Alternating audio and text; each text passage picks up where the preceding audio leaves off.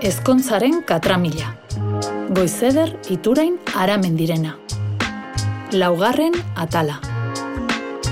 Itxaso lagunekin elkartu da bere ezkontzaren berri emateko.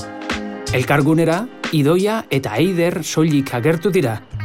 Eiderrek aurre hartu dio eta ark emandako berriaren gatik topa egiten hasi dira. Eiderrek Teresa izeneko neskalagun berria aurkitu du. Teresa? Beste Teresa baten kontuak? Haze, kasualitatea? Eider nazkantea. Gaur ere protagonismoak endu nahian. Beno, bazkaltzera joteko orduare izango dugu, ez da? Nire tripak hasia dira marruka. Sargaite zen jantokira.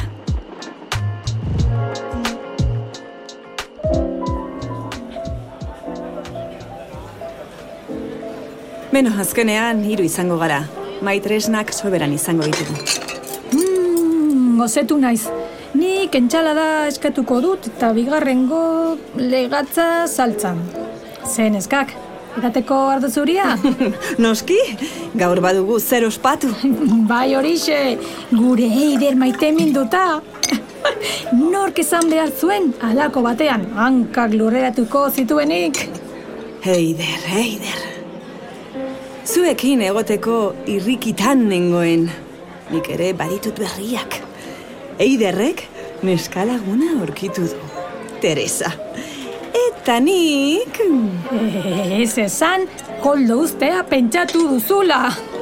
Ez idoia favorez. Zer kerama zaitu hori pentsatzea.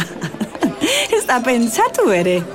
Koldok baditu bere gauza txarrak, baina maitakorra da. Ai, badakizue, ezkontzeko eskatu diot. Ezkontzeko? Koldori? Nori eskatuko diot papei hori? Koldo izan da azken amabos urtetako nire bikotea. Amabost urte igar ondoren, maitakorra dela badiozu, eskontza eman beharreko pausua izan daiteke. Baietz uste dut itxaso. Baina, ezkondu? Itxaso lekunda, ezkondu? Ennuk inoiz pentsatuko. Ez aldo zure pentsamondeen aurka? Garai batean bai. Baina, jada beste era batera pentsatzen dut. Pentsamoldeak aldatuz doaz, bizitza bezala. Arrazoi duzu. Ez dago harreman perfekturik. Baina bai, ondoan duguna baloratzen ikasi behar dugu. Hori da, Aider. Teresa delakoak asko irakatzi dizu. Bai, txaso.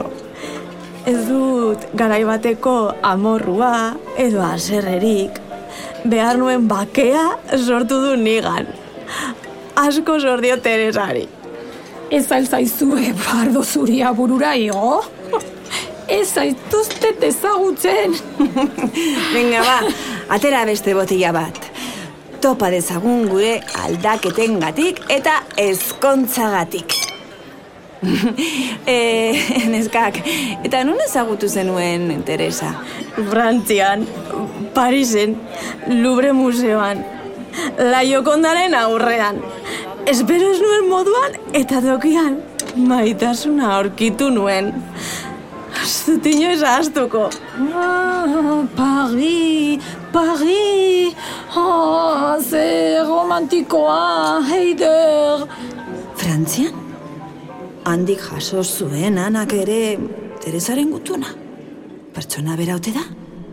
Bizitza osoa zoriontasunaren bila ibili eta espero enuen unean zoriontasuna aurkitu dut. Espero enuen moduan eta tokian.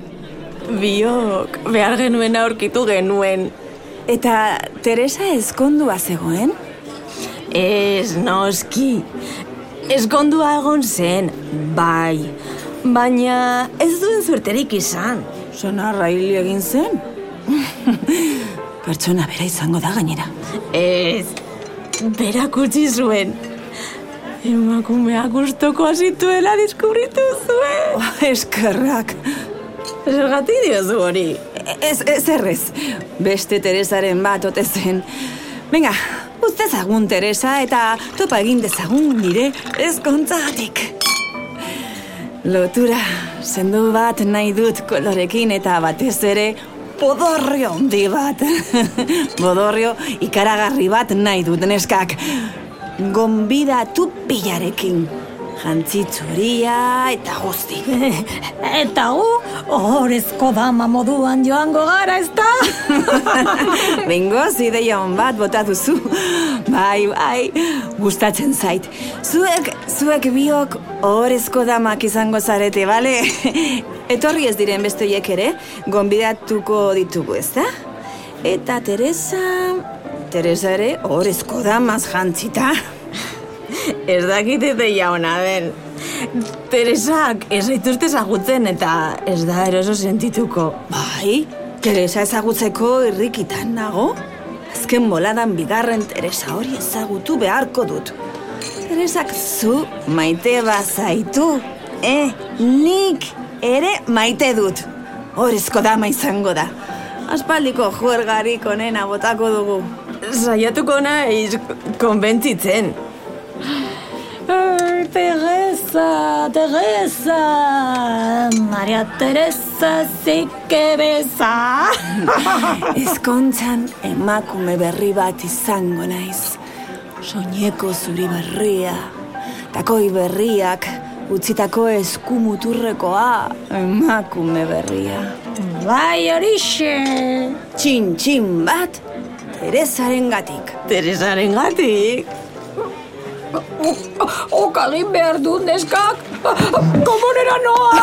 Ah, Jesus, betiko idoia. Zkara ezer aldatu ez da.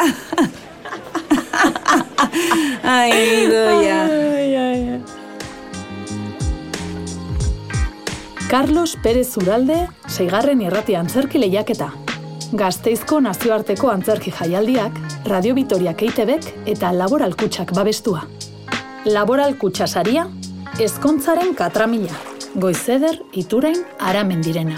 Ahotsak, Susana Soleto, Jose Cruz Gurrutxaga, Josune Bele de Mendizabal, Alicia Albarran eta Anea Rugaeta. Zuzendaria, Carmen San Esteban. Soinua, Iñaki Alonso. Sonora estudioetan grabatua.